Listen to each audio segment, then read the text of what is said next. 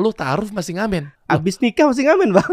nikah pun ngamen, gitu. Ngamen. Udah punya istri ngamen. Lah, Ngamen. lu nekat banget. Lu nikahin anak orang tapi lu nggak punya penghasilan Iya. tetap. Banyak orang bilang gitu, tapi gue punya jawaban sendiri bang. Kita kasih solusi. Nata Reza.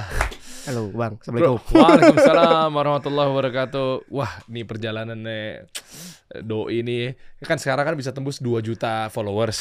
Subhanallah. Iya kan? Dan lu sempat bangun bisnis Nuts the Barber House. Ya. Tapi tutup tuh. Tutup tuh. korban covid nih. Oh, oke.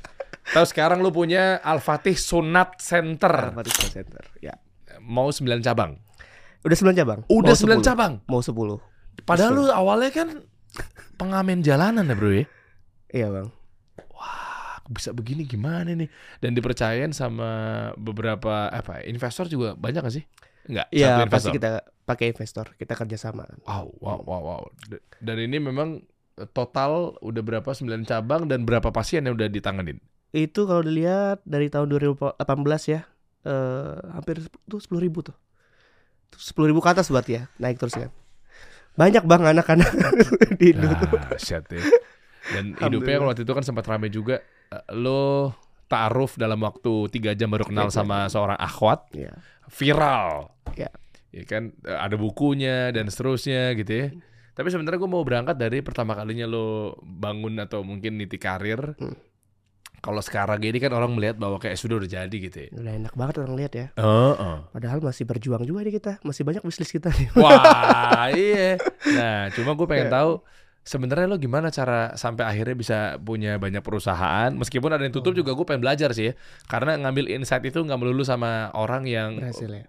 Udah sukses. Memang dia pengusaha belum tentu. Iya. Bisa jadi pas gagal pun juga kita bisa tahu nih kenapa dia bisa gagal. Iya. Nah, jangan sampai lo ngulangin hal yang sama gitu. Tapi kebalik harusnya gue yang belajar dari lu bang. Enggak Ini lah. loh luar biasa Enggak loh, masya Allah. Bro, kan gue juga belajar sama siapa aja. Iya, Dan iya. teman-teman kan gak harus dari gue solusinya, Iya, dari betul. lo juga kan. Jadi lu tuh ternyata tuh eh tempat main ngamen lu tuh rute gue berangkat ke sekolah lo. Tadi ngobrol kita ya. Ngobrol tadi di belakang ngecepek dua. P2. Itu kawan bisata. Iya. Ah gile jadul banget. Ketahuan dong umur kita berapa Iya, ya? Iya iya iya iya. iya. Iya kan jadi bisnya warna kuning ada Kuning. hijaunya. Iya. Dulu tuh kan ada Kopaja, Iya. kawan bisata, Ada P21 juga. P21, Yang agak gede tuh. 18B, Iya. Apa lu ya? Jangan kendat apa lu. lu? Metro Mini 69, 79, Iya, betul, betul. 72, radio, radio dalam. Iya. Dimas tahu nggak kawan bisata? ah, anak Gen Z tahu apa anda? ya, kan lu lewat situ kan Iya. kan banyak anak-anak tawuran tuh naik la- P21 kan? P21. Naiknya dari Kampung Hutan. Enggak. Gua naiknya Oh iya, depan UIN, depan UIN. Depan UIN. Depan UIN. Oh, ada Dayak tuh. Iya. Anak Dayak. Anak Dayak bentrok sama anak kapal tuh STM tuh naik 21 sama Lu 18. kok apal banget, Bang? Jangan-jangan lu salah satunya nih anak bentrok-bentrok. tawuran dulu bro Bukan bangga ya Ampun, Tapi norak ampun. banget gitu deh Coba buka deh Bentar bentar, bentar deh Sambil Hmm. bahas dari, dari awal Gue jadi inget deh Coba Kawan Bisata tahu nggak? Kawan wisata. Hah, coba pakai W Kawan Bisata Tuh Sekarang udah gak ada lagi Udah ya. nggak ada Tuh. Yang warna kuning dong CP2 102 coba ketik Ah ini kawan Bisata 102 102. Rute Ciputat lewat Mustopo tuh Iya. Senayan. Ketik 102. Itu nama kode bisnya. Nah, iya enggak? Tuh. Nah. Nah. yang Aduh, mana nih? aduh. Yang ini nih kiri. Iya, yang kuning. Tuh, kuning kan? Ciputat Wah. tuh benar-benar itu dia. 510 tuh, poolnya 510 juga Iya, situ tuh. iya. Metro Mini. Sekarang namanya apa ya? Lupa lagi. Masih ada emang sekarang. Enggak, enggak, enggak. Metro Mini jadi Metro Trans ya? Oh, iya. Iya bener ya. Oke lah. Gimana bro ceritanya bro? Tahun Panjang? Bang. Enggak, gue mau dapat insight-nya. Lo Iya. kok bisa-bisanya pengamen? Berapa Nah. tahun pengamen? Eh kalau dihitung-hitung sampai habis merit eh sampai inilah ya sampai ya alhamdulillah ada perubahan sedikit dalam berkehidupan ya. 2010 gua mulai nikah 2017 2018 baru kelar. Berarti berapa tahun tuh? Wah. 8 tahun ya. Oh lu taruf? Gue gak ngerti. Lu, ta lu taruf masih ngamen? Abis nikah masih ngamen, Bang. Iya iya. iya. Ni- nikah pun ngamen, gitu. Ngamen. Udah punya istri ngamen. Lah, lu nekat banget. Lu nikahin anak orang tapi lu gak punya penghasilan Iya. tetap. Ya, banyak orang bilang gitu. Tapi gue punya jawaban sendiri, Bang. Kalau eh, pertanyaannya nekat, gue nggak bukan nekat. Gue berani. Dua hal yang berbeda kan. Oke, berani terus apa bekal lo nanti jawab ya. Ya. mau, mau apa iklan dulu nih ya. Kita akan kembali setelah G-Water yang berikut ini. ya, nanti bahas ya. boleh. Ya, boleh. ya, maksudnya modal lu apa dan Hmm. kok bisa viral gitu loh. Padahal kenal tiga jam Hmm. lu bukan artis kan? Bukan. Lah kenapa bisa viral? Ya nanti lah kita bahas. ya. Jadi kita mau ngapain nih? Cerita dari awal. Oke. 2010 gimana tuh? Lu Gua lulusan 2008 SMA, Bang. 2008 SMA. Wih, di bawah gue setahun tuh. Iya. Gue Oh, berarti lu 89. Gue 2007 lulus. jadi wajar gua panggil Abang kan. Orang Iya. Sumatera gitu, Bang. Ya, ya, ya, ya. Di mana? SMA mana? SMA 1 Pemali, SMA Negeri 1 Pemali. Salah satu SMA terbaik di Bangka Belitung. Wow, Eh. Mantap. Kok bisa ke Ciputat? Nah, ada ceritanya. Ciputat by the way Tangerang Selatan ya Iya. teman-teman ya. Tapi rute yang tadi kita sebutkan adalah Jakarta Selatan. Jakarta Selatan. Jadi Tangsel sama Jaksel tuh memang deketan. Oke Iya. lanjut anyway. Jadi gue punya impian besar memang di jalur seni ya, karena gue dari SMP tuh emang udah bergelut dengan kesenian bang gitu.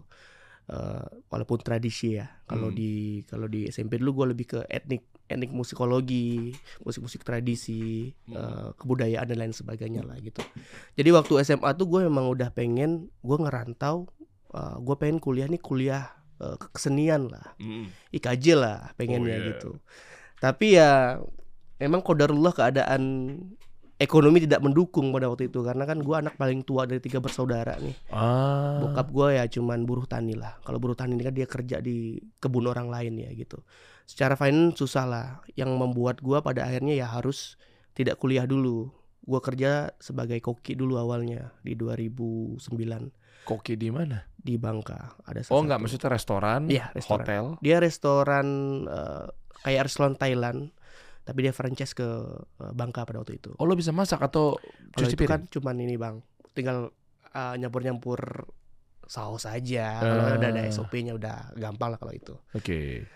eh setahun eh, niatnya nyari uang dulu nih buat kuliah. Kuliah, akhirnya singkat cerita 2010 itu terkumpul lah, berangkatlah ke Jakarta, merantau istilahnya. Oh orang tua di sana semua. Orang tua masih di sana. di Dan lo berangkat memang nggak tahu mau mau ngapain aja. nggak tahu kalau dulu kan nggak kayak sekarang informasi lengkap banget kalau dulu kita mau tahu satu eh, tempat kuliah aja kita harus datang dulu nih baru tahu berapa harganya Iya, iya.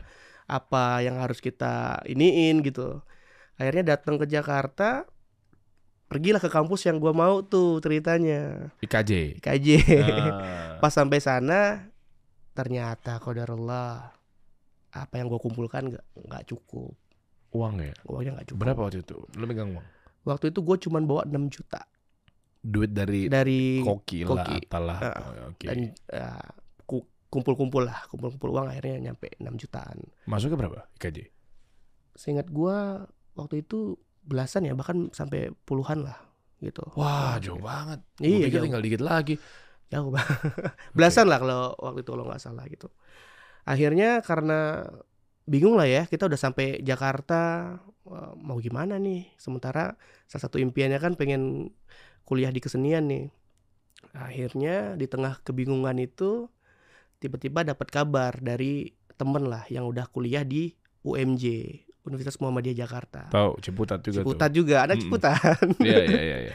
dia bilang ini bro di fakultas gua lagi ada program kuliah gratis nih bro selama kalau nggak salah tiga semester dan uang uang bangunannya free uang masuknya free karena pada waktu itu eh, nggak lama habis kejadian Si- Situ Gintung ya Situ Gintung ya yang Hmm. jebol Yang jebol Eh, tanggul. eh, iya fakultas pertanian itu eh, habis dihajar sama air kan Oh iya belakangnya soalnya. Iya, belakangnya. Belakang kampus UMJ itu kan Iya. situ Gintung situ Betul. danaunya tuh. Betul.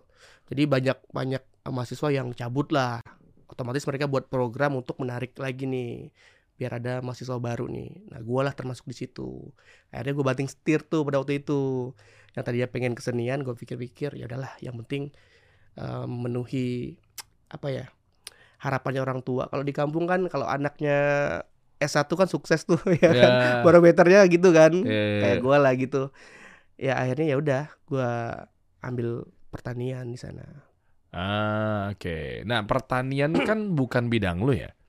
bukan bidang tapi ya kehidupan gue di Bangka tuh nggak jauh dari situ kan banyak kebun sawit dan lain sebagainya jadi yang gue pikirin pada waktu itu ya seni pada akhirnya gue bisa belajar di mana aja yang penting gue ada satu backupan nih ketika amit-amit nggak berhasil di seni gue bisa bawa sarjana gue ini ke kampung lagi nih gitu ceritanya Nah, oke. Nah, eh, di situ uang dari mana untuk nah makan, itu ngekos? itu dia Iya kan?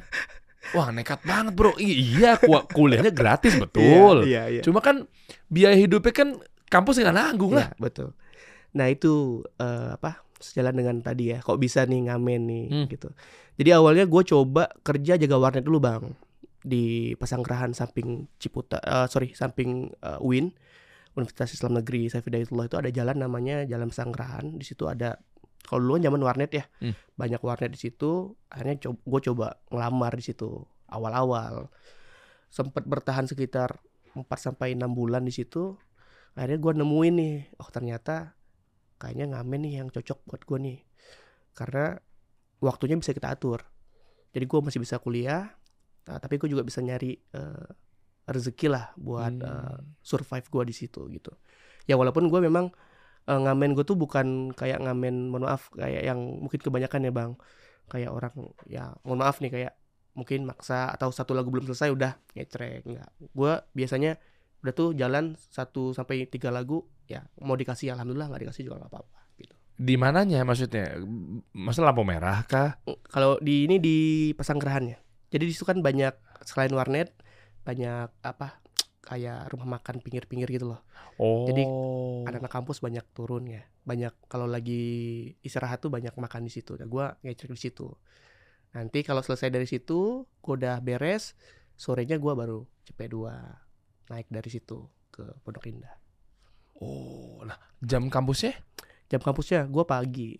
Oh, jadi kuliah dulu. kuliah dulu eh, Abis pagi. itu ngamen. ngamen gue bawa gitar ke mana-mana bawa gitar bang Oh. selama gue kampus itu dan nggak cuman di apa eh, daerah Win itu aja di kampus gue sendiri pun gue bawa itu jadi kalau orang istirahat nih break nih orang pada makan ya gue ngibur orang-orang pada makan dikasih duit.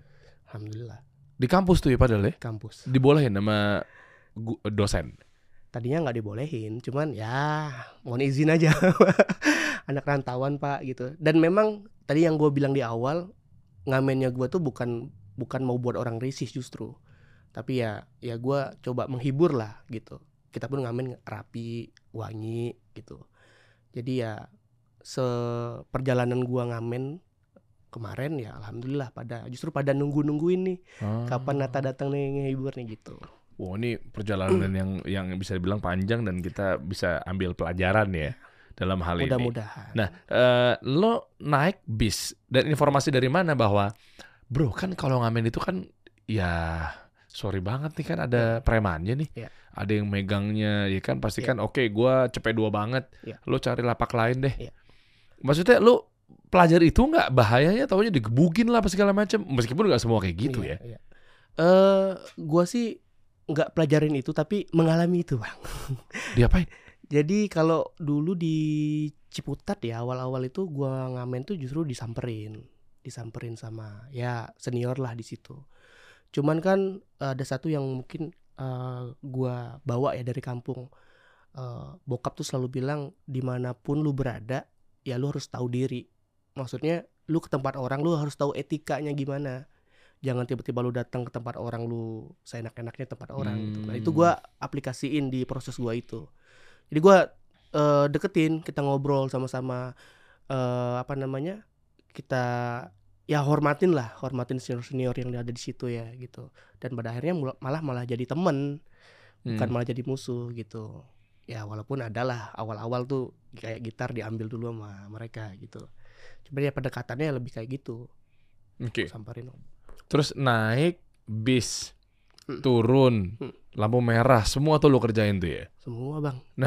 Itu 10 tahun. Eh, 10 deh tuh. Eh kurang lebih 8 Delapan, 8, ya? tahunan lah. Dan lu lulus nggak kuliahnya? Enggak. Hah? Panjang banget ceritanya.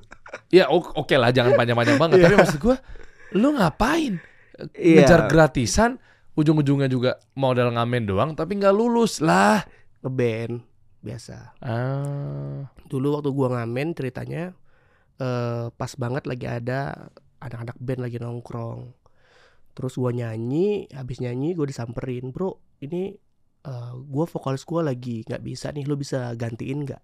Kita ada acara lah dia bilang gitu. Akhirnya gue gantiin gue iyain. Ternyata cocok berkepanjangan. Hmm. akhirnya gue ditarik ke band itu. Baru gue masuk ke band itu eh, nggak lama kita dapat kontrak gitu. Kita dapat kontrak dari ya salah satu brand lah. Dia ada acara eh, pasar rakyat keliling 48 kota dari Jawa Barat sampai Jawa Timur balik lagi Jawa Barat. Dan itu selama setahun. Jadi tiap minggu kita pindah-pindah kota. Jadi nggak kuliah nih ya? dilema di situ. Ini antara gua mau nyelesain kuliah gua yang gua perjuangkan mati-matian nih sampai ngamen segala, tapi di satu sisi gua dapat kesempatan nih eh, yang ini ya salah satu impian gua yang awal dari kampung gitu, pengen Oke. berhasil di industri itu gitu. Akhirnya ya gua harus memilih, ya gua pilih kesempatan yang mungkin nggak nggak nggak akan dua kali dapat kan gitu. Gua pilih itu ya ternyata nggak berhasil juga. Ya. Memang manusia tuh melihat bahwa di depannya ada sesuatu yang manis, Ya, tapi belum tentu manis belum di mata tentu, Allah. belum tentu betul. Dan belum tentu yang dimaksud itu adalah bukan berarti hal negatif. Betul. Allah lebih tahu dan nggak mungkin pilihan Allah apa yang Salah. Allah lakukan itu pasti salah nggak mungkin. Betul. Gue berani bersumpah demi Allah Heeh. tuh nggak mungkin Allah salah gitu ya. betul. Nah artinya ya berarti kan ada sesuatu nih. Iya. Ada sesuatu memang. Ada hal yang pada akhirnya ya membuat gue berpikir lagi. Maksudnya, eh gue hidup ini buat apa sih? Buat buat eh, ngejar itu aja atau memang ada hal lain yang gue eh, pengenin gitu. Hmm. Ternyata ya memang eh, ada beberapa hal yang salah dalam perjalanan gue gitu. Apa tuh? Salah satunya ya mungkin eh hubungan dengan orang tua sih. Kenapa? Gua kan seme- semenjak eh, ibu meninggal tahun 2006, ibu tuh sosok yang paling dekat. Maksudnya orang yang paling apa ya? Paling bisa diajak ngobrol, paling bisa eh, diajak diskusi, terus paling support lah dengan apa yang gue pengen capai gitu. Sementara kalau ayah kan jarang ketemu ya, kalau Hmm. ayah kan kerja gitu. Jadi eh yang membuat gue berpikir kayaknya ada hal yang harus gue perbaiki nih. Hmm. Salah satunya tadi hubungan dengan eh, orang tua. Memang Ayam. boleh tahu nggak maksudnya hubungan yang dimaksud dengan apa renggang tuh kenapa? Buat ambil pelajarannya aja. Eh, gue tuh jarang banget. Ya gue kan ngerantau ya bang. Oh. Maksudnya gue yakin karena sekarang gue jadi jadi seorang ayah ya. Pasti orang tua tuh khawatir banget dengan anaknya. Sementara kan eh, orang tua tuh susah kalau mau hubungin kita. Nah gue sama bokap itu jauh banget. Renggangnya renggang banget gitu. Sampai akhirnya ya gue coba untuk memperbaiki itu. Hubungan dengan orang tua. Kan bagaimanapun ya orang bilang kan doa ibu cepet banget. Tapi jangan sampai salah doa orang tua ayah juga ya sama Hmm, juga. gitu. orang tua. Orang tua Iya. gitu. Jadi ya it- itu salah satu yang gue benahin gitu. Semenjak apa gagal di situ, ya kayaknya ada yang harus diperbaiki ya. Salah satunya hubungan dengan uh, orang tua tadi. Itu salah Setelah- satunya ya. Oke oke. salah satunya. Setelah itu baru tuh lancar. Belum juga karena kan banyak juga nih. Ah. Banyak yang harus diperbaiki nih. Itu satu. Kedua ya eh hubungan dengan pasangan yang belum jadi milik kita secara sah ya itu juga gua benahin. Yang pada akhirnya relate dengan gua memilih untuk taruh gitu. Ah. Jadi oke. ada ada hubungan-hubungannya. Setelah gue benahin itu ya, alhamdulillah mulai pelan-pelan berubah gitu. Karena kan bisa dibilang menjauhi keharaman ya. Iya. Haram dengan misal o- anak kepada orang tua yaitu berbuat durhaka, Iya. nggak boleh dilarang haram gitu ya. Atau eh, kita berdua-duaan misalnya dengan Ya, seseorang yang bukan mahram kita ya, juga haram Iya, gitu ya. iya. Nah, akhirnya dibenahin pelan-pelan berarti kan kunci takwa ketika kita dekat sama Allah, Hmm. takwa semaksimal mungkin Allah akan buka dari Beri jalan. arah yang gak sangka-sangka gitu ya. Betul. Oh, wow. Ya, ya after itulah selesai itu ya bukan berarti langsung ini banget ya. Ya proses kan, proses. Sampai untuk membenahi itu semua ya gue juga harus cabut dari lingkungan juga kan. Karena pengen cari eh, lingkungan yang bisa mendukung perubahan gue juga. Bukan berarti meninggalkan mereka Iya, gitu. berkah ya. Iya. Karena masih belajar. Iya, dan cukup lama ya maksudnya 8 tahun loh. Hmm. Nikah tahun 2017. 17. Nikah. Nah, ini menarik. Eh kenapa dan panggilan dari mana ketika kan memang ini kan anak jalanan deh. Iya. Kayaknya ya stigmanya nggak semua sih, tapi kalau untuk anak jalanan rasa-rasanya taaruf, Hmm. memikirkan untuk ke depannya itu kan mungkin ada beberapa yang eh, kawan-kawan kita kita tuh nggak dapat edukasi soal itu ya agama, akidah, tauhid gitu ya. Nah, gimana tuh triggernya apa bro? Eh tadi gue ngerasa eh ini kayak ada yang salah nih dari apa yang Hmm. gue jalanin gitu. Mm-mm. Nah untuk eh apa namanya membenahi itu semua kan gue tadi gue bilang harus cari lingkungan yang bisa mendukung itu semua. Oke, Alhamdulillah gue punya sahabat yang memang satu perantauan juga. Ini orang ya masya Allah eh, terjaga banget. Beliau lah yang mulai ngajak yuk kita ke majelis ilmu yuk kita coba cari eh, ketenangan batin kita kita coba cari lagi di apa tujuan kita gitu dari situ mulainya mulai dari situ akhirnya ya udah kepikiran oh benar juga ya selama ini gue bertahun-tahun jaga jodoh, jodoh orang lain kan Oh, Iya. ya. Lah terus gimana tinggalin begitu aja? siapa tuh Yang ya gue yang ditinggalin lah oh. pengamen pak Wow. Oh, lu pengamen terus lu sempet ya waktu itu pacaran lah ya. Iya.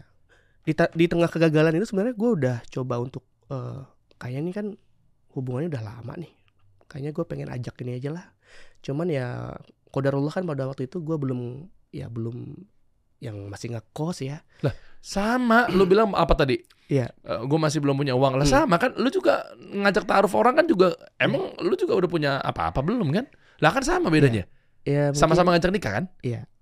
yang yang mungkin yang sekarang ya alhamdulillah mau eh, bersama-sama Oh. ya gitu. mau sama-sama berjuang alhamdulillah Oke, majelis ilmu ngaji, ngaji kepikiran, terus Kepikiran. ketemunya di mana pada saat itu? Maksudnya singkat aja ya. iya iya sampai akhirnya eh kalian jadinya akhirnya mau, eh, lu Iya. ya terutama laki-laki yang Iya. memutuskan bahwa kayak lu mau nikah sama gua nggak? Iya. Itu platform Instagram Instagram. Iya. Wow. Dan komunikasi siapa yang mulai duluan?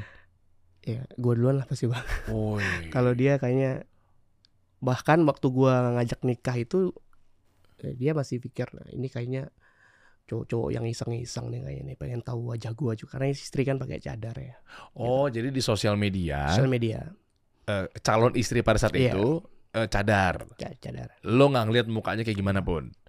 Oke, eh, selebgram bukan? enggak juga orang biasa Nggak ada followersnya lah kurang lebih. Wah. Dan lu? Sama juga Oh, belum kayak belum sekarang ya? bang jauh banget kalau Oh sekarang jauh dan masih ngamen. masih ngamen Followers berapa? kalau nggak salah ya 2 sampai tiga ribu kalau nggak salah Lah itu udah ada dari mana? mungkin masa-masa ini kali ya eh, yang gua amenin kali ya Oh jadi lu ngamen lu kontenin. eh jadi di gitar gua itu gua taro Instagram sama Twitter gua lah Oh. Gitu.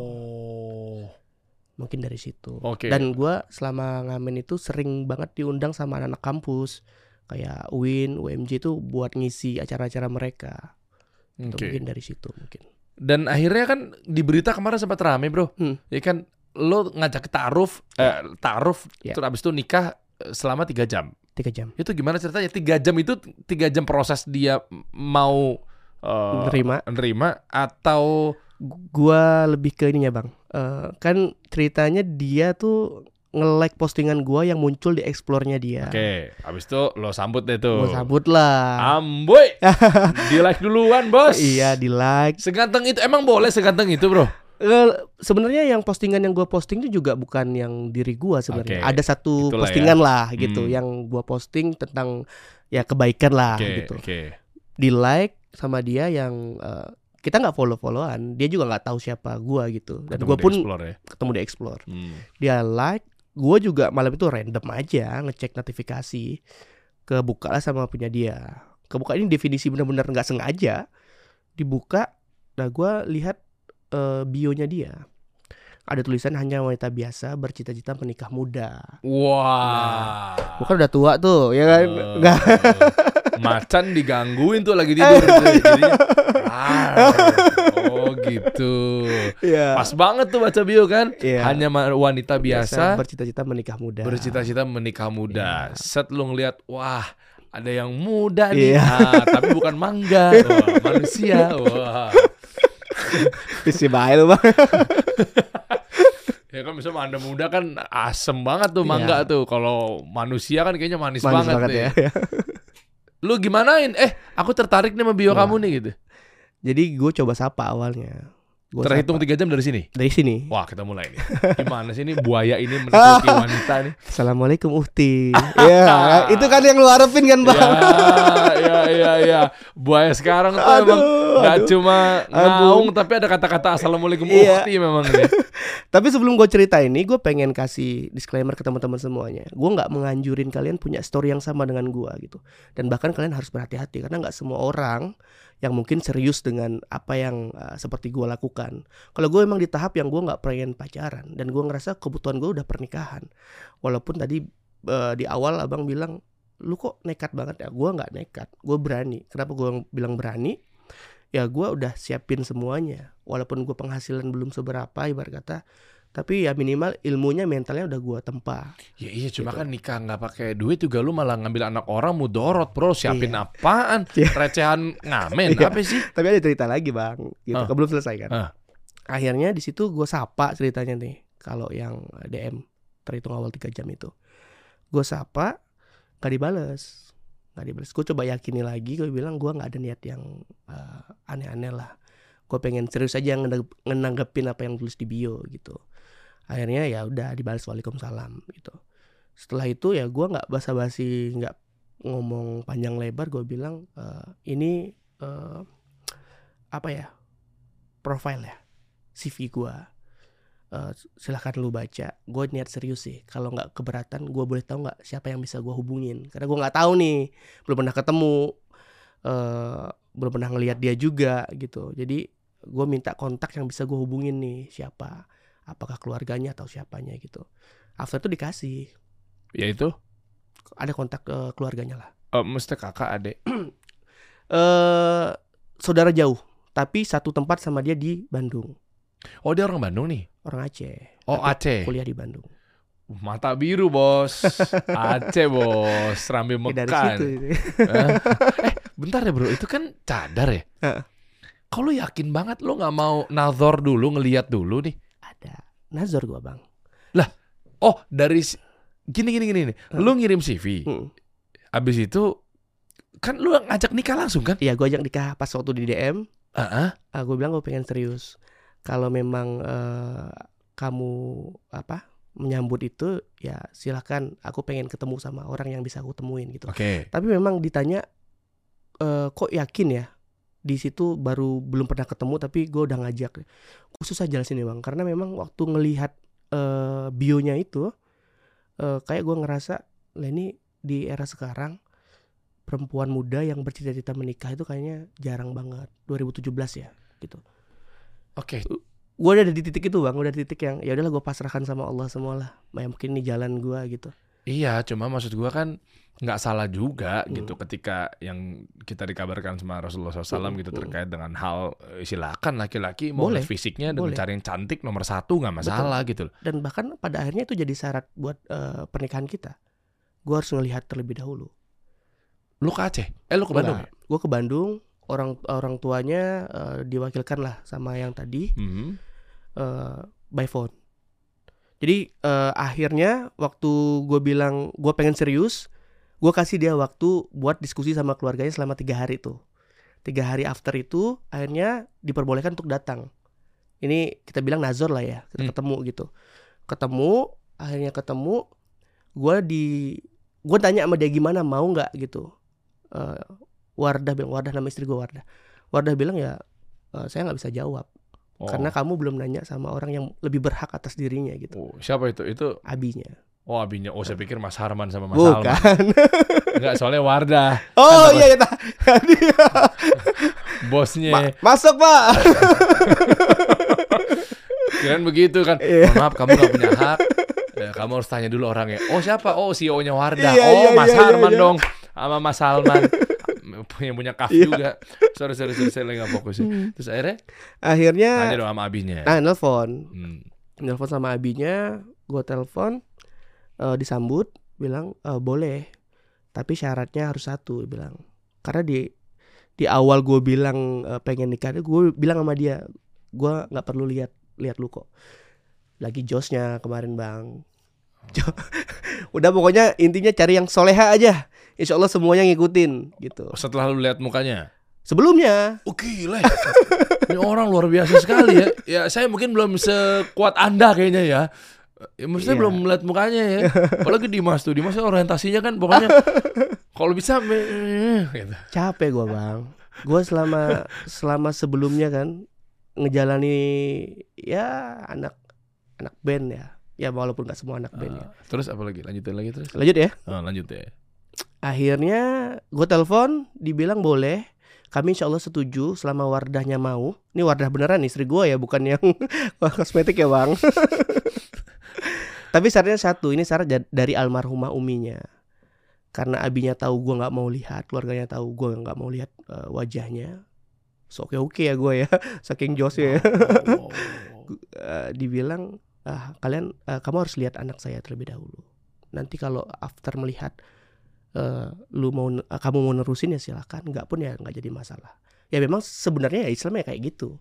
Harus melihat terlebih dahulu kan gitu. Akhirnya ya hari itu gue ngelihat hari itu. Pas gue lihat, bus Bataku Wisnu ya. Gila gue udah stres-stres ya. Gue stres-stres ya dia ya. Gue tuh udah Aduh. gue menghayal gitu. Aduh. Ya untuk kebaikan gue ingat istri gue di Iya, rumah. iya, iya, iya, iya, iya. Iya waktu itu kan sama waktu itu. Eh. Terus, terus akhirnya Pas gue lihat ya gue telepon lagi abinya. Pengen bilang sama abinya bisa nggak nikahnya percepat aja. Wow. bro, izin bro. Apa bang? Apa bang? Keramas dulu. Aduh, aduh. Pala Apa panas. Eng- Bukan eh. Emang keramas sudah pasti negatif. Lu memikirnya macam-macam. Pala gue panas. gitu. Aduh, ya Allah. Jadi kayak mau buru-buru mau pulang ke rumah. Aduh, gitu. iya, iya, iya, dan nunggu ya di rumah ya. gitu. Oh, langsung langsung pe. Kelar deh. Hah? Mau Oke, pulang. Assalamualaikum warahmatullahi wabarakatuh. Enggak, enggak, enggak. Tapi eh, lu malah pengen lebih cepat lagi karena melihat Iya. sosok Iya. Bidadari dari langit Masya ke-8 Allah. ya. Tabarakallah. Masya Allah. Eh, akhirnya hari itu saya tambah yakin dia pun eh, yakin lah. Akhirnya kita rencanain minggu depannya mau nikah di Bandung. Karena kalau ke Aceh Nggak sanggup. Oh. Jadi gua tuh udah udah kasih tahu semuanya bang. Maksudnya gua masih eh, masih merintis lah dalam artian gua belum kuliah belum lulus, masih ngekos, ngamen pula. Tapi yang anehnya orang tuanya nggak ada penolakan. Ya walau alam ya mungkin jodoh ya. Oh, Masya Allah ya. Bentar deh, dia umur berapa ya? Eh, waktu nikah 20 20, lu nya Guanya 25 25. Hmm. Uh, 20 tergolong Muda. ini juga muda juga ya.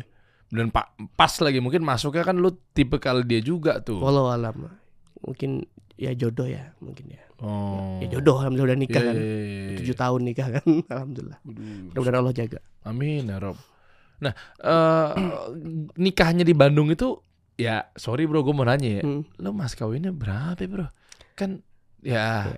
penghasilan tetap juga kagak ada. eh dengan gue jelasin eh, kesanggupan gua pada waktu itu kita planningnya nikahnya di KUA Oke. KUA Bandung Oke.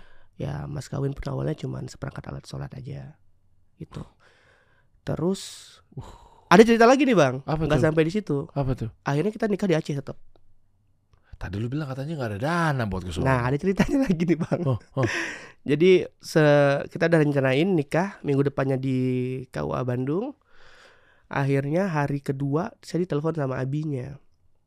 Ditelepon sama abi mertua saya bilang e, Nak Nata kayaknya kalian gak usah nikah di Bandung deh. Deg-degan bang. Ya. ini pasti ke Aceh nih. Ya kan Terus? nikahnya? Ya abinya bilang nikahnya kalian di Aceh aja. Nikah di Aceh. Eh, sebelum saya berpikir terlalu panjang nih abinya langsung bilang tapi Nak Nata nggak usah mikirin apa-apa. Semua kami siapkan di Aceh. Ini dalam rangka untuk menjaga dari fitnah. Karena kan anaknya ngerantau ke Jakarta kuliah terus nanti ada pernikahan yang cepat di tempat Oh. yang ini takut jadi fitnah Jangan yang tek dong nih. ya kurang lebih seperti itulah Iya kan? Iya kan takutnya kan naudzubillah Iya. hamil luar nikah Iya. nih. Ah. Iya kan? akhirnya ya udah nikah di Aceh nikah di Aceh abinya minta waktu sekitar sebulan lebih lah untuk prepare di sana nah gua selama sebulan lebih itu juga nggak diem bang walaupun sebaik-baik wanita mem- memudahkan sebaik laki-laki yang terbaik Oh, Iya kan? jadi iya ya betul. Jadi sebaik-baik ke wanita adalah ketika memudahkan segala urusan mahar dan Iya. seterusnya kan.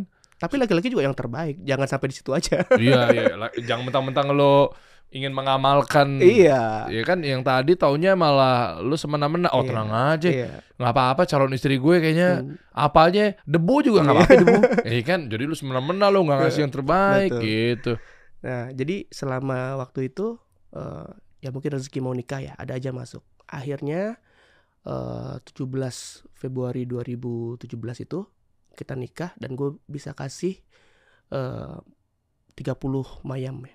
Eh 10 mayam. 10 mayam tuh 30 Mayam apa sih? gram. main apa sih Mayam tuh mas kawin ya, Bang. Kalau di Aceh itu kan ada kayak gitu. oh oke Eh, mas kawinnya eh, 10 mayam kalau dirubah ke gram itu 30 gram waktu itu kurang lebih sekitar 15 juta. Jadi satu bulan lebih itu gua dapat rezeki alhamdulillah. Mungkin rezeki nikah ya. Oh jadi menuju ke nikah itu kan ada waktu sebulan? Iya. dan lo ikhtiar. Ikhtiar. Ikhtiar. ya pokoknya cari gimana pun Iya. caranya dengan cara yang halal. Iya. habis itu set saya dapat nih 15 juta.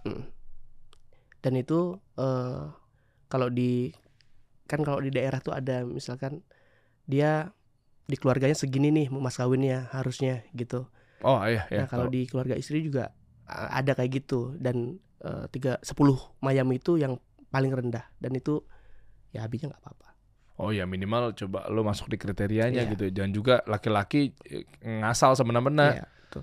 mungkin tolak ukur itu di, di, di, dibikin gitu untuk Betul. kelihatan keseriusan lo Iya. kesanggupannya seperti Iya. apa ya alhamdulillah akhirnya nikahnya Kita di pestanya gue pengen detail banget Iya. ya bro ya. Maksudnya kan gue tahu nih pasti teman-teman yang nonton juga eh, sedang mengalami hal yang serupa kan? Iya. oh oh berarti bisa ya. Berarti Bismillah ya. Gue yakin ya mungkin dengan berbagai macam pertimbangan teman-teman ya untuk Hmm. maslahat mudorot ya. Hmm. eh dibuatin acara. Dan acaranya eh rangkaian acara tiga hari tiga malam dibuatin sama eh, mertua. Oh lo nggak keluar. Masya Allah Enggak, rezeki Gua bro. nggak- bro gua nggak keluar sama sekali. Oh. cuman bukan gua nggak mau ya cuman Iya, iya. memang ya kan kesanggupan gua seperti itu. Cuman memang eh, dari keluarga mertua itu bilang ini anak perempuan satu-satunya. Ah. terus eh, jarak antara adiknya juga jauh. Jadi pengenlah sebagai orang tua kasih eh, acara untuk anaknya gitu. Gue juga nggak tahu rangkaian acaranya seperti itu. Ternyata tiga hari. Ada malam mbak Inai ada akad nikah tersendiri resepsi sendiri gitu dibuat Bro bisa mesen lagi nggak keluarga yang model kayak gini bro? si Dimas. ketawa Nah, deh si Dim. Lagi juga coba usaha Dim ikhtiar. tapi lagi-lagi gue nggak nganjurin orang punya cerita yang sama bang Oh, karena mereka iya. punya hak untuk dapat Iya yang lebih baik betul, paham sekali. Cuma gue pengen tahu aja, maksudnya bapaknya kerja apa ya kalau boleh tahu? Kok masa dia mau bantuin gitu? Nggak bisa pesen lagi tuh, gitu gitu tuh. Eh, Udah habis ya stoknya. Bukan, walau alam ya Oh, masya Allah, kalau Abi sih bilang sederhana juga eh, pendakwah juga dan masya Allah. eh, alhamdulillah beliau cuman punya bengkel sih bengkel Oh, otomotif oh, cuma punya bengkel. Bengkel apa ini kalau boleh tahu nih? Maksudnya kan mobil. bengkel mobil Lamborghini juga Enggak, bengkel enggak. gitu ya kan? Eh, ini truk truk lah truk truk mobil dan truk Ah. Tapi kenapa masih ngamen setelah nikah?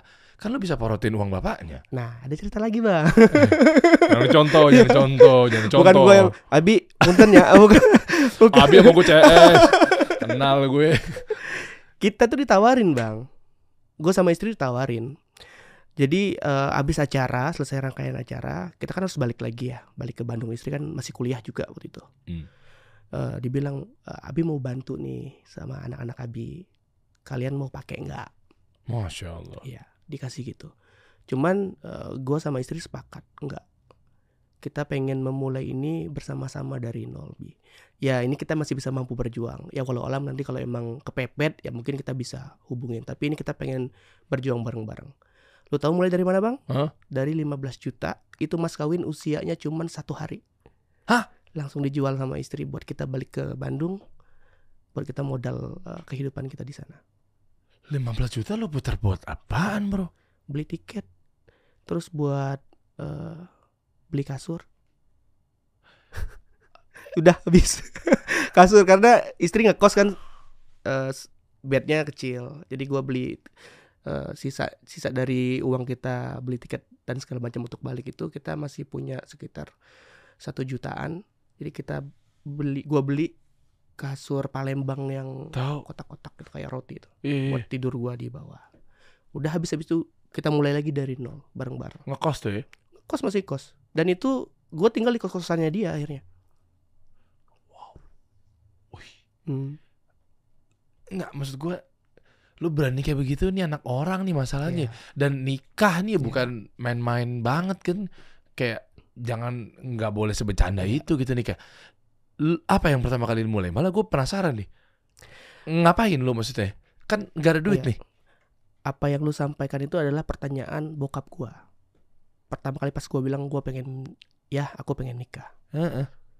tapi gua punya jawabannya gua tuh orang yang mau berjuang bang nah itu yang gua percaya jadi modal utama kalau kita ngomongin rezeki kan memang udah ada yang ngatur Iya. tinggal kita ikhtiarin gitu Heeh. Nah, gua dari awal ngerantau, bahkan sebelum ngerantau, gua berjuang apa aja. Yang jelas eh, yang halal ya. Hmm. Ya untuk eh, melewati mungkin kesulitan-kesulitan yang gua eh, apa namanya? yang menghadang di depan gitu. Gua bukan tipe kalau orang yang cuman nunggu aja. Gua bukan tipe kalau orang yang cuman eh, apa ya? ngarepin bantuan aja enggak. Tapi gua punya modal yang mungkin nggak semua orang punya. Gua mau berusaha dan itu menurut gue modal terbesar. Kalau ukuran pernikahan harus diukur dengan keberaniannya seperti itu, menurut gue ya orang nggak akan berani-berani menikah. Tapi ketika dia mau berjuang, mau berikhtiar dan itu bisa menjadi modal utama. Sama yang paling penting ya ilmunya ya. Hmm. Itu kan jadi poin yang paling penting banget dalam eh, men- apa memulai satu bentuk eh, Iya, rumah tangga. Iya, membangun rumah tangga gitu ya. Nah, makanya gue bilang gue bukan nekat, gue berani. Ya urusan rezeki kalau selama perjuangan gue yang udah mati-matian tuh Allah kasih segitu, ya ya alhamdulillah. Yang penting gue nggak gue nggak cuman tidur aja, mager-mager aja. Ya gue kerja, gue dari mulai jaga warnet bang, ngamen udah jelas tuh. Oh, bertahun-tahun. berarti pindah Bandung dong? Pindah ke Bandung, di Bandung ngamen juga, di bawah batu itu ngamen. Oh. Eh, jaga warnet, eh, buat susu kedelai, jualan susu kedelai. Selama gua ngamen tuh gue jualan susu kedelai juga. Nah menurut gue itu modal gua yang besar banget untuk membuat gue berani untuk ya udah yuk menikah urusan rezeki insya Allah lah. Yang penting gua nggak nggak akan buat lu kelaparan gua akan berjuang gua akan memenuhi kewajiban kewajiban gua. Nah itu kan modal yang yang besar menurut gua untuk untuk ke arah situ bang. Gitu walaupun ya secara ya balik lagi ya ke masing-masing ya. Mungkin orang berpikirnya ya lu belum punya pekerjaan tetap anak istri lu mau dikasih makan apa? Oh tunggu dulu pak. Banyak orang yang udah punya pekerjaan tetap juga eh, banyak anak istri yang terutang lantung gitu. Nah, Ya. ya. tapi semua ini ya baik lagi sih karena teman gua yang mengajak gua ke tadi satu tempat yang gua banyak belajar di situ gitu. Tentang Hmm. persiapan persiapannya apa yang harus dipersiapkan gitu. Eh, dibilang nekat nggak nekat berani gua. Analoginya kalau orang di kalau gua nih ditanya nekat apa berani? Lu berani nggak masuk hutan itu? Lu mau nggak masuk hutan itu gitu. Gua, gua bilang gua gua berani ya karena gua tahu deh depannya nih nanti ada jurang nih ada harimau di sini kalau nekat kan nggak ambil aja udah masa bodoh mau apa apa juga ke depan Oh, Oke, coba coba kita analogikan ya. Ya. Misalnya lu masuk suatu hutan yang Iya. namanya IKN lah. lah iya kan contoh. Pak. Ikan contoh kan? iya iya iya iya Kan hutannya memang iya kan kita pe- ya nggak tahu gue random aja, Iya, gue iya, nggak tahu iya. nama-nama hutan. Hutan bangka lah ya udah ya ya ya ya ya IKN, lu masuk IKN. Set. Kalau yang nekat gimana? Kalau yang nekat ya dia masuk masuk aja tanpa tanpa mau tanpa nggak mau cari tahu ada apa di situ. Hah. Kira-kira apa yang bakal menghalangi dia di situ gitu. Kalau nekat, kalau berani kan kita prepare bang. Oh nanti nih kayaknya ada sungai di situ. Siapin kayu deh minimal buat kita nyebrang. Gitu loh maksud gua. Ah, iya. Itu lo lakuin, Gua lakuin. sambil ikhtiar jualan susu kedelai sampai bini lo lulus di kampusnya. Nggak lulus juga. Gak gampang bang. Makanya gue bilang jangan ikutin kita lah. Semua berhak dapat eh, yang lebih baik. Maksudnya ya kita udah ikhtiar. Cerita lagi nih ya. Oh, Belum selesai kan? iya, iya, iya, dikit lagi boleh, Dikit boleh. lagi Gak ya. apa-apa, gue tungguin lagi. Eh, satu Syawal tuh kapan sih Ramadan? Aduh. Sama Lebaran. Panjanginnya sampai Lebaran. Gimana gimana? Jadi di Bandung kan gua masih ngamen tuh, ngamen di eh, kampusnya dia lah. Ngamen di kampusnya dia Apa sih apa sih? Lupa gue. Telkom. Oh Telkom, oke. Ngamen di situ eh, terus seling waktu ngamen gua juga eh, mau ngojek online juga awalnya. Mau Gojek. Hmm. ojek online. Kan kalau di Bandung itu ada sewaan motor tuh kalau nggak salah 20.000 ribu per hari tuh atau berapa ya gua lupa gitu. Tadinya gua mau sekalian itu juga gitu. Nah eh di situ ternyata nggak segampang yang gua pikirkan. Memang nggak gampang. Eh, di Bandung tuh udah banyak pengamen nggak kayak di Ciputat. Terus Hmm. memang secara penghasilan kurang gitu. Terus sempat eh, akhirnya ngajak diskusi sama istri dek gimana nih eh, mau tetap mau tetap kuliah lanjut atau mau mau cuti dulu sebentar sembari aku ngumpulin eh, buat model kamu kuliah? Karena istri kan ini ya kuliahnya di fashion design. Jadi lumayan bang bahkan untuk prakteknya setiap harinya tuh dia harus beli bahan dan lain sebagainya tuh lumayan gitu. Tapi istri membantu yang biasanya dia eh, beli bahan ini karena mungkin kita sudah punya keluarga dia kadang minta bahan-bahan temennya gitu sisaan teman-temannya Hmm. gitu jadi dia membantu tapi di tengah ikhtiar kita Mhm. ternyata nggak segampang itu juga akhirnya hasil musyawarah gue pindah lagi ke Ciputat ngamen lagi di Ciputat Lah istrinya? ikut ikut kuliah cuti kita berangkat dulu gitu Ciputat. Gila perjalanan dulu, bro, bro. Iya. Ya, gue sih nggak bilang bahwa ini tuh em, uh, mudorot ya dalam arti itu gue juga nggak berani bilang. Eh, sih kayak misalnya dengan berarti teman-teman silakan ikutin perjalanannya Ya. jadi lu tanpa modal lu gas aja jangan orang gue lu aja nggak nganjurin kan bilang iya iya iya, iya. jangan Cuma memang ada beberapa sisi maslahat juga sih Hmm. kayak gue nggak tahu ya ini menjadi krusial apa enggak maslahatnya yaitu daripada gue zina, Hmm. ya kan, daripada gue pacaran dan seterusnya gitu kan sehingga inilah jalan yang gue pilih gitu loh.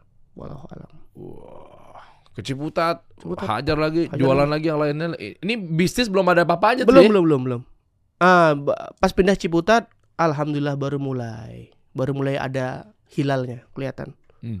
jadi mulai orang cari tahu tuh kalau nggak salah ada satu akun di sosial media lah nge-up eh, proses perjalanan kita bang Lah kenapa tiba-tiba dia yang lu siapa? Ya? mungkin dari followers kita yang udah ada ya Mungkin enggak lu bangun bangun kolam atau bangun followers tuh dari mana? Lu bangun personal branding. enggak juga Nah, terus ya tapi memang di sosial media tuh kan gua keseharian gua apa Oh, oke, ngevlog gitu ya. ngevlog- nggak ngevlog sih maksudnya konten-konten aja Oke, dan buku udah ada.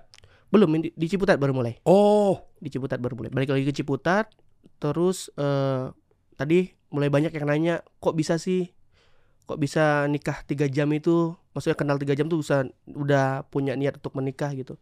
Ya nggak cuman lu doang yang bertanya terkait tadi bang. Kok berani sih kok nekat sih gitu. Hmm. banyak nanya ya. Gue balas balesin nah waktu itu istri bilang eh daripada kamu balas satu persatu mending kamu tulis aja di blog gitu proses perjalanan gitu. Ah. di tengah situ gue kan suka woro-woroin tuh bang nih gue lagi tulis ya kalau kalian mau nanya tahu ntar dibaca aja di blognya waktu itu ada satu penerbit yang lihat Mhm. dan menghubungi gue Hmm, terus? dia bilang mau nggak dibukuin aja Ah, viralnya di situ. Viralnya di situ. penam pe- apa ya ya di situ akhirnya Yang nulis ghostwriter atau lu yang nulis? sendiri sama istri Kan banyak kan nggak perlu pakai banyak tulisan sendiri kan. buku gue kedua kan ditulis ghostwriter Ah, oke. Di situ baru cara mempromosin si bukunya gimana caranya bahwa orang percaya bahwa ini kisah inspiratif gitu. eh itu ada tim kan? Ini penerbit besar lah. Bisa dibilang penerbit besar. Sampai efek dari situ Mhm. eh berlanjut nih dari buku tuh dari novel. Novelnya ini bang. Eh, alhamdulillah eh, masuk bestseller ya Oh di toko buku gitu? toko buku masuk bestseller Gramedia. Gramedia Oh, cinta tak biasa judulnya masih produksi. ini kita prepare buku ke empat Ah tapi bu, judul yang beda. beda beda Oh, tapi oh, dari buku Iya, ternyata dari ya. buku. Dari buku itu akhirnya eh, alhamdulillah meledak ya, maksudnya banyak yang suka, terus kita sampai ngisi acara di mana-mana gitu.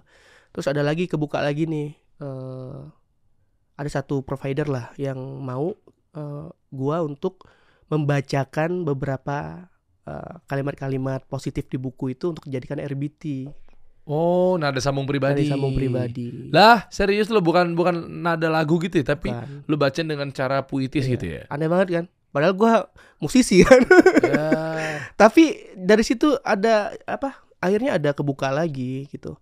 Dari situ akhirnya gua ambil deal, nah, gua rekaman lah eh, suara-suara itu. Akhirnya eh, launching di Batam pada waktu itu 2018.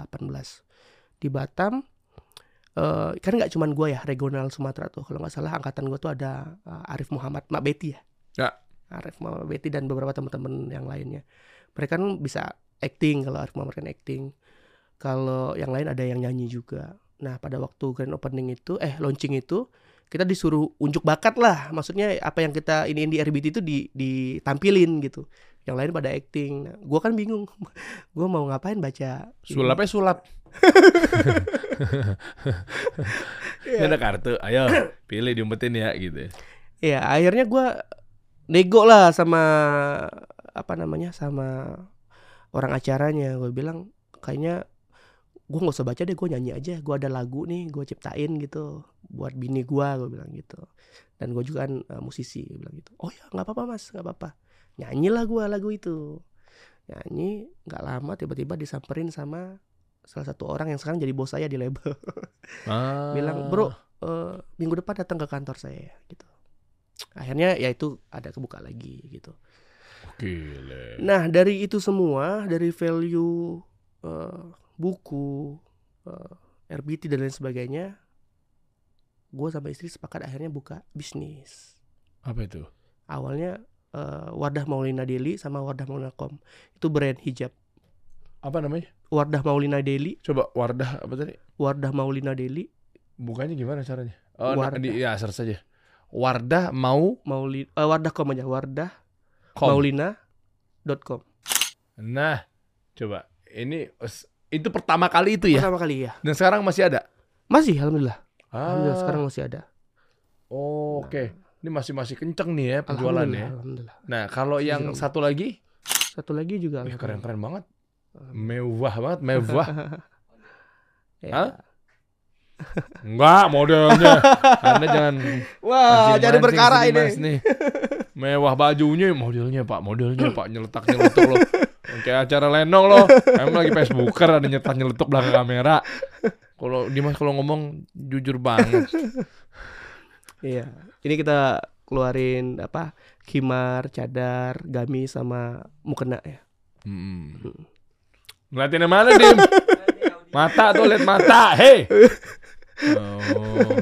Keren juga ya. iya dari Oh. sini kita mulai Itu modal berapa? Dulu awal-awal itu gue inget banget eh 8 juta Duit dari mana? ya itu RBT Oh, dari situ. royalty RBT jadi 8 juta. ya, awal-awal. Oke. Dan warnanya pakai nama istri kan? sama istri Dan produksi di mana dan seterusnya gitu. kita eh, pakai vendor sih masih pakai Bandung. vendor sampai sekarang macam-macam tergantung produksiannya Tapi spesialisasinya apa? eh Misalnya khimar kah? Gamis khimar Gamis ya. gamis ya. Penjualan sekarang oke. masya allah tabarakallah alhamdulillah bahkan ini yang nolongin kita waktu covid nih Wish. ya eh, apa asbabnya ini Iya, iya, Allah iya. Oh iya, iya, iya. Kita ngomongin sekarang insya Allah udah pada paham lah. Iya, Tapi iya, ya, iya, iya. bagus bagus dilurusin ya. Untuk menghadapi netizen semua pendek ya. Iya. Iya, iya, iya, iya. tadi iya. potong lagi kan ya Ah, iya, iya, iya. Oh, berarti ini berhala baru dong. Ah, saya lo netizen nyari-nyari kesalahan lo. Eh, Coba nih ke bawah nih, yang tadi. Nah itu bawah, bawah. Nah ini bawah lagi, bawah lagi, bawah lagi. Enggak, yang mana aja. Si Mas, otaknya. Saya mau lihat dulu ke bawah-bawah coba. Oh, karakter-karakternya tuh eh, kasual ya, apa ya gimana ya bahasanya? ya? eh iya Tapi yang tadi lebih kasual ya, ya yang yang tadi lebih daily buat lebih daily, daily yang tadi. Heeh. Nah, nah, hubungannya sama barbershop lo itu setelah ini atau hari yang sama? setelah ini Ah, setelah buat bisnis ini. Kenceng, dapat revenue oke, omsetnya, Omset oh, profit oke, puter ke barbershop. eh enggak juga. Ini awalnya diajak temen sih sebenarnya. Barbershop, oke. Eh, ini jadi af- after ini tiba-tiba naik tuh bang. Instagram mungkin lagi bagus-bagusnya pada itu ya. Maksudnya algoritmanya lagi oke-okenya tuh. Nah, tiba-tiba naik 100 ri- 100 ribu followers naik lagi 500 ribu followers 1 juta followers akhirnya banyak teman-teman yang mau ngajak kolaborasi yuk gua punya eh, apa namanya tempat. tempat nih lu bisa jadi apa marketingnya kasarnya kayak gitu lu di depan nah akhirnya buat ini Cuma gak lama nih umurnya katanya. ini kodarullah memang gak lama karena covid ya tapi udah punya beberapa cabang sebenarnya bawa sampai ke Bali gitu Sayang banget ya. Iya, Iya, ya. qadarullah. Tapi bisa sekarang suntik mati udah selesai. ini suntik mati udah sama satu lagi bakso tuh nah nata de bakso itu di Purwokerto sama di Jogja kita buka Oh, selesai juga tutup Selesai juga. lagi. suntik mati juga Kok bisa ya? Padahal kalau lu punya traffic ya. Coba nih, ini ini Hmm. segi bisnisnya Iya. nih. Apa yang lo rasakan atau strategi apa yang mungkin menurut lo salah?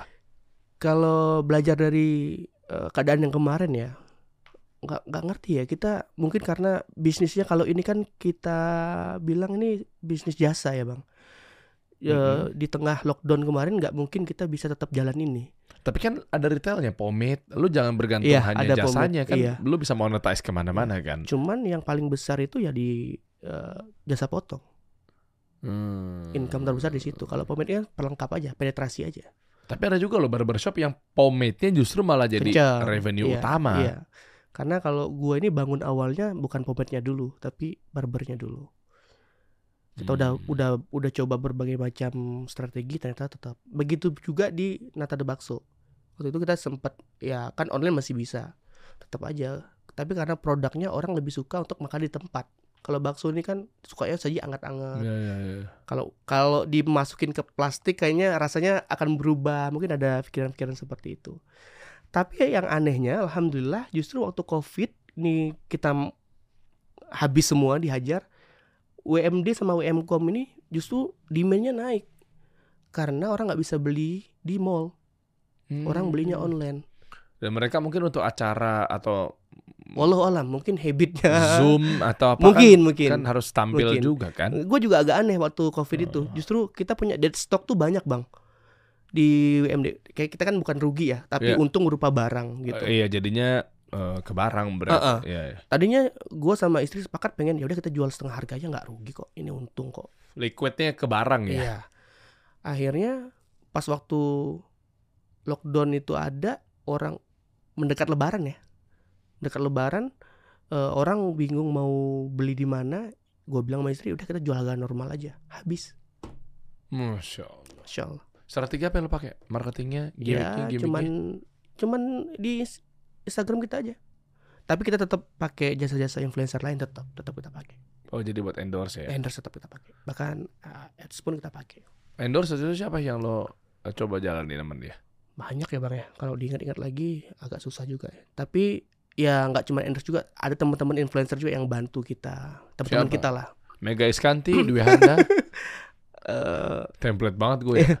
banyak kok. Ha- Hamida terus Hamida, terus siapa ya eh lupa lagi namanya ya, ya, ya. Ya, termasuk kan juga bini lo kan jadinya kan memang Iya. dia punya banyak followers Iya, juga, artinya kan dia juga bantu penjualan atau bantu pemasaran bantu kan. bantu bantu dan gue juga ya bantu promosi juga karena kan kalau di sosial media gue tuh bang eh persentasenya justru 80% banyak kan ahwat Ngapain lo follow Nata lo? Follow Na- Nata ada koko sama. Udah punya bini juga. Nggak lah bang mungkin pengen Oh. lihat ini jualan kita mungkin Lama- lu jangan suruh unfollow dong bang 80 persen. 80% jadi mungkin eh, ada ada apa efek dari situ juga Oh. Nggak beda jauh ya ternyata ya. Maksudnya saya juga begitu dicek Instagram itu 80% juga. ya Eh, karena kan perempuan akhwat lebih banyak bang di dunia ini bang mau gimana Iya, memang, memang rata-rata gue emak-emak 60 Iya. persen sih 60 tahunan emak-emak Oh, sih. emak-emak ya? Emak, ya kan sama-sama cewek kan. iya iya Nah, seneng banget. ngapain lo follow yang lain aja gue balas kan Udah alot juga lo. Masih follow-follow gue lo. Gila jahat banget. Ya, enggak, Bercanda bagus. ya, Bagus. bercanda. Lo harus follow gue terus bareng sama laki lo juga. Biar jadinya kita tuh nggak ada istilahnya hal-hal yang kita inginkan Iya gitu. iya Eh, iya iya iya. iya. yang kita tidak inginkan gitu loh. Iya, iya, Jangan ceweknya doang. Nah, eh, sampai ke bisnis sunat, Bro. Hmm, iya. Ini gimana ceritanya? Maksudnya apakah gara-gara lu sudah mengalami hal yang serupa gitu loh? Ah, Karena lu belum sunat atau Nggak kan dong, nggak mungkin nggak dong. mungkin. Nah, makanya gimana tuh? Jadi ini lucu sebenarnya. Eh ini tuh awalnya eh bisnis teman lah. Dia satu sekolah dengan saya, adik kelas saya. Waktu ada momen reunian kita datang lah, kita sharing, ngobrol-ngobrol-ngobrol. Eh gua lihat nih valuasinya lumayan nih, maksudnya pergerakannya oke nih bang. Kita kan bakal udah sampai sepuluh ribu pasien tuh. Lo maksudnya lu ngeliat dari teman lu udah punya bisnis Cerita, ini. udah udah punya ini, Oh, teman lu datang udah punya ini. Berapa? udah punya ini, cabang berapa? satu baru. Ah, oke. Terus eh, kita ngobrol lah. Kita ngobrol, yuk bro, apa yang bisa kita lakuin nih biar ini bisa eh, tumbuh lebih besar lagi, lebih nasional. Ya udah mau sistemnya gimana? Kita kesepakatan lah di situ. Udah berarti ini kita bareng-bareng ya, gitu. Ya dengan dengan apa? Rangkaian-rangkaian treatmentnya lah di dalam situ gitu. Akhirnya ya Alhamdulillah dari 2018 jalan terus satu terus berkembang lagi berkembang lagi ya alhamdulillah sampai sekarang. Oke. Total berarti 9 Sembilan. cabang dan rata tuh untuk omsetnya. Ya kalau dibilang rata banget sih ya nggak akan sama rata ya, tapi ya nggak jauh-jauh lah. Kisaran berapa omset dulu? Aduh janganlah bang, Eh, Bahaya ya. bahaya lah. Nggak soalnya gue mengukur gini, lu kan Hmm. punya banyak uang nih, alhamdulillah atas izin Allah gitu ya. Allah. Cuma gua lah, gua mah pengusaha, ah, istri yang banyak uang. Gua mah istrinya banyak. Eh, istri banyak uang bang. Oh, lu kadang-kadang lu bang sorry, ya. sorry, sorry. Gua Enggak, tuh enggak. dihukum sama istri. Lah, enggak kan gue kan cuma nanya soalnya tadi lu istri yang banyak uangnya pas uangnya lu kasih koma atau se- sepi suaranya makanya gue pikir istrinya yang banyak oh istrinya yang istri yang banyak uang ah itulah istri banyak lu banyak gitu Hmm. artinya kan eh mungkin lu juga nggak pengen ini tuh kayak dulu dulu waktu lu awal-awal nikah gitu kan lu lebih hati-hati cara Iya. ngelola keuangannya ya lebih maksimal dijaga Hmm. Eh, ada hal-hal yang memang dana darurat Iya iya iya. dipilah dana tabungan, dana kebutuhan istri, Ya, gue pilih-pilih itu bang. pasti kan? Eh, beda-beda tuh gua aturnya. Jadi kalau buat kebutuhan anak gua Hmm. bedain, istri juga gua taruh di tempat berbeda. Eh istrinya satu ya maksudnya. Istrinya lu taruh Enggak, enggak, Oh, maksudnya enggak, enggak. maksudnya ya ke eh, apa pemisahan keuangannya gua atur gitu. Oh. Jadi buat anak kan pendidikan anak juga kita harus atur untuk kesehatan dan lain sebagainya. Gitu. Cuma biasanya jadi permasalahan adalah ketika lu atur dan pisah-pisah itu tuh biasanya beda bank atau beda, Beda-beda bang. wah ribet juga ya. Iya. Beda bank, beda rekening atau kalau satu bank satu rekening beda-beda juga. Betul. Uh, jadi kalau mau ngambil gimana mau transfer eh, beda akun dan beda kartu ATM juga? Beda-beda. Enggak repot, Bro. Iya effort sih, cuman ya gue nggak nggak tahu harus gimana biar bisa. Ini gua kasih tahu nih pengusaha-pengusaha juga harus melek apalagi yang tadinya mungkin lo lagi bener-bener ngejagain tuh bisnis Hmm. sampai punya uang jangan sampai kepleset. Hmm. Omset kelihatan gede tapi gara-gara kita nggak pinter mengelola, memilah-milah gitu kan kacau Iya. berantakan. Nah, sebenarnya ada sih satu solusinya kalau lo mau. Ini bener-bener gua kasih solusi Apa buat tuh? lo nih. Jadi eh, lo bisa satu bank lah bisa Hmm. dibilang ya. Itu ada 60 kantong, 60 rekening dan lu nggak Oh. perlu gonta-ganti lockout Hmm. dari m-bankingnya, lu nggak perlu gonta-ganti kartunya, cukup dengan satu gadget, Hmm. numpuk di situ tuh 60 rekening. Oh masa. Ah bisa, lu tinggal custom, lu tinggal pilih-pilih. Jadi lu bisa tahu, oh, sekarang gua mau transfer buat kebutuhan A misalnya. Cek dulu, wah belum ada nih. Hmm. Ntar lu deh, gue cari dulu deh. Jadi nggak kanibal, nggak saling Oh, makan iya. dengan kebutuhan-kebutuhan tabungan yang lainnya. Itu jadi gue persoalan. baru tahu nih. Ada bro. Jadi itu namanya jago syariah. Oh iya. Nih gue kasih tahu ya. Jadi di jago syariah ini ada 60 kantong lah atau 60 rekening. Hmm. Akadnya gimana der? Wadiah dan mudorobah. Jadi lo enak banget. Cukup sekali klik tep, lo bisa custom tuh. Lo bisa Buat apa aja gitu. ya iya lo edit tuh buat dana anak sekolah gitu kan, buat ini itu dan seterusnya gitu. Macam sampai 60 lo Coba lah, siapin. Langsung Nah iya dong, siapin nih, siapin nih. Nih gue kasih tahu kalau lo pengen tahu lebih detailnya nih ya. Nah, lo pengen nanya-nanya sama mbak-mbaknya timnya nih, lo juga bisa datang nih buat teman-teman semua. Tentunya ke boothnya Jago Syariah yang ada di Halal Fair tanggal 8 sampai 10 Desember 2023. Tepatnya di ASBSD. Nah, jadi Halal Fair ini adalah salah satu bisa dibilang halal event yang nggak cuma sekedar pameran, tapi ada talk show-nya, ada kajiannya gitu kan, ada tempat main anak juga, ada baju-baju. Nah, lu bisa tuh Datang situ ya. datang Deket situ. lagi dari rumah kan. Ah, iya. Oh ya, tapi gini kalau lu pengen ke sana, Mhm. kalau level-level lu kayaknya sih lu bayar ya. Iya. Tapi kalau pengen gratisan, Oh bisa. oh doyan juga ada oh, nggak gratisan ya. apa-apa, Pak. Oh, keren. Iya kan? Tapi kasihan kesempatan Oh, lainnya. iya. Boleh deh. Iya, Ya, boleh buat ya. teman-teman aja. Nah, biasanya kan event-event gitu kan masuk ke bayar. Mm-mm. Tapi karena memang jago syariah sesuai dengan namanya, Hmm. ada kata jago di situ. Hmm. Jadi nggak cuma sekedar jago untuk menyimpan uang, tapi ada jago juga untuk membantu kita tuh. Jago skill untuk memberikan kemudahan. Nah, gratis bisa untuk datang ke sana teman-teman. Gimana caranya untuk yang mau datang ke Halal Fair secara gratis? Caranya kalian tinggal download aja Jago Syariah, ya. Set, lo tinggal registrasi di situ dan ingat menggunakan kode referralnya. Catat ya teman-teman ya, atau kita bantu di deskripsi di bawah lah. Jago HF23. Gue Oh, jangan lo, curang lo, curang lo. Yang lainnya kasihan tuh ya. ya, Jago HF23. Jadi artinya tuh HF tuh kan halal fair ya.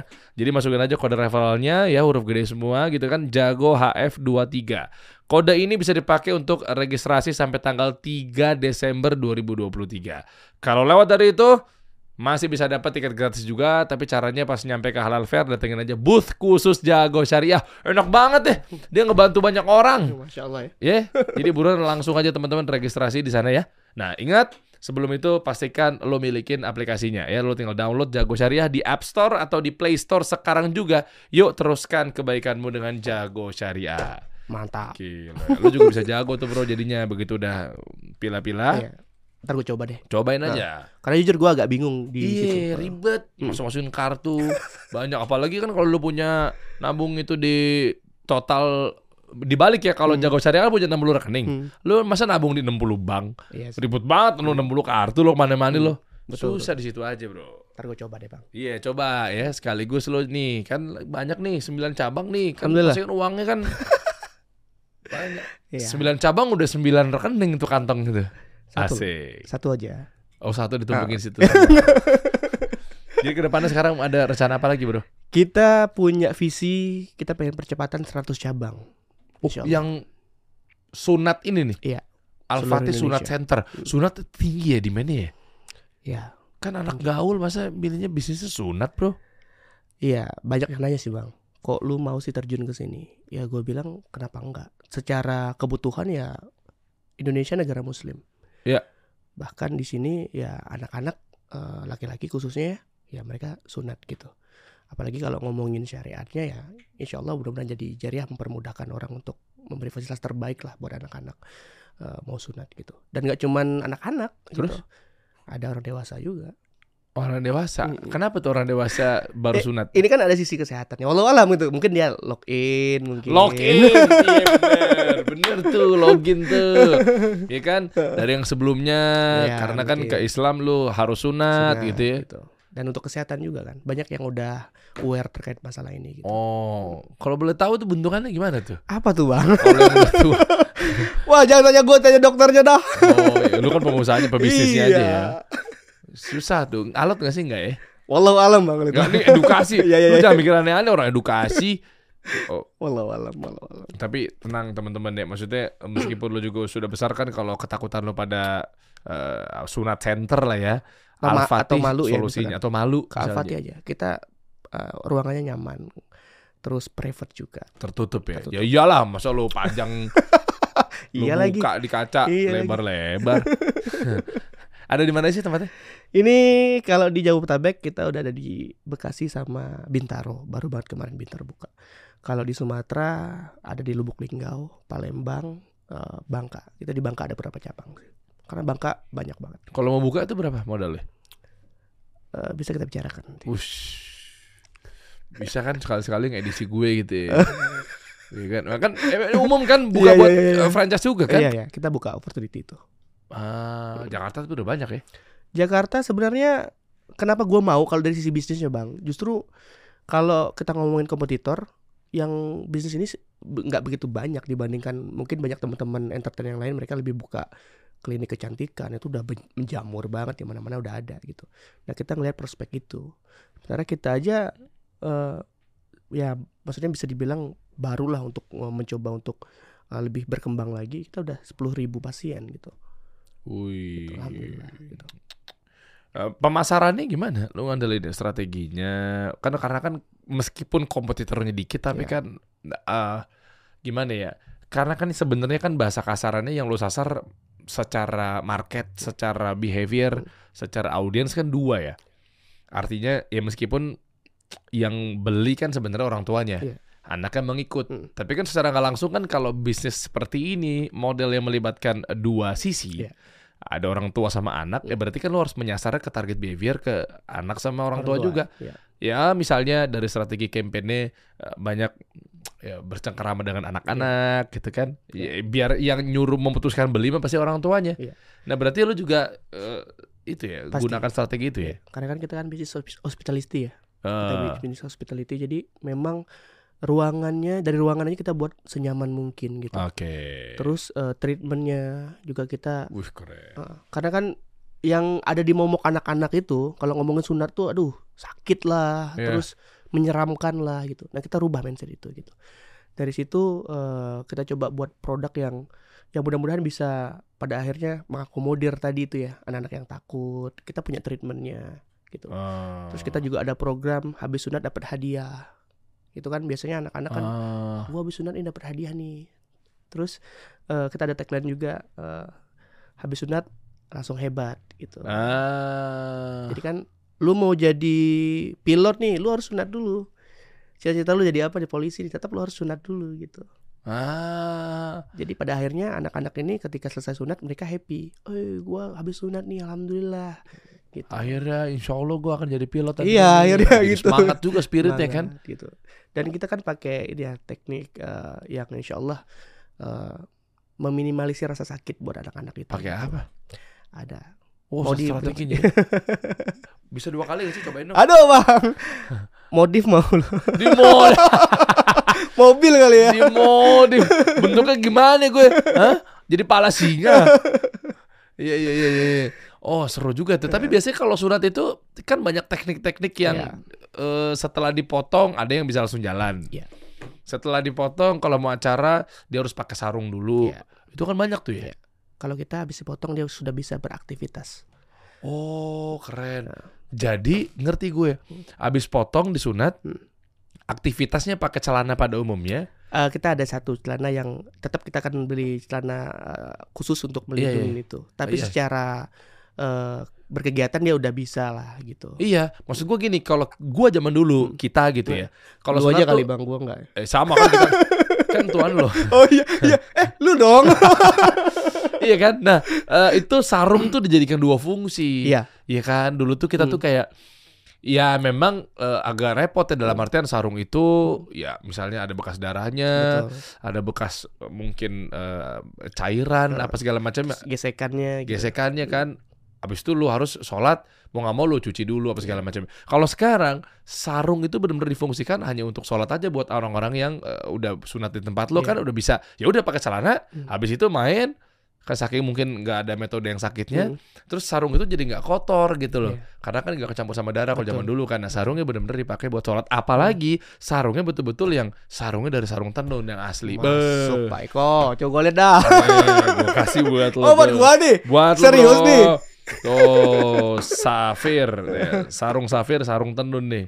Ini Asli sarung, eh, sarung kita semua asli lah bro.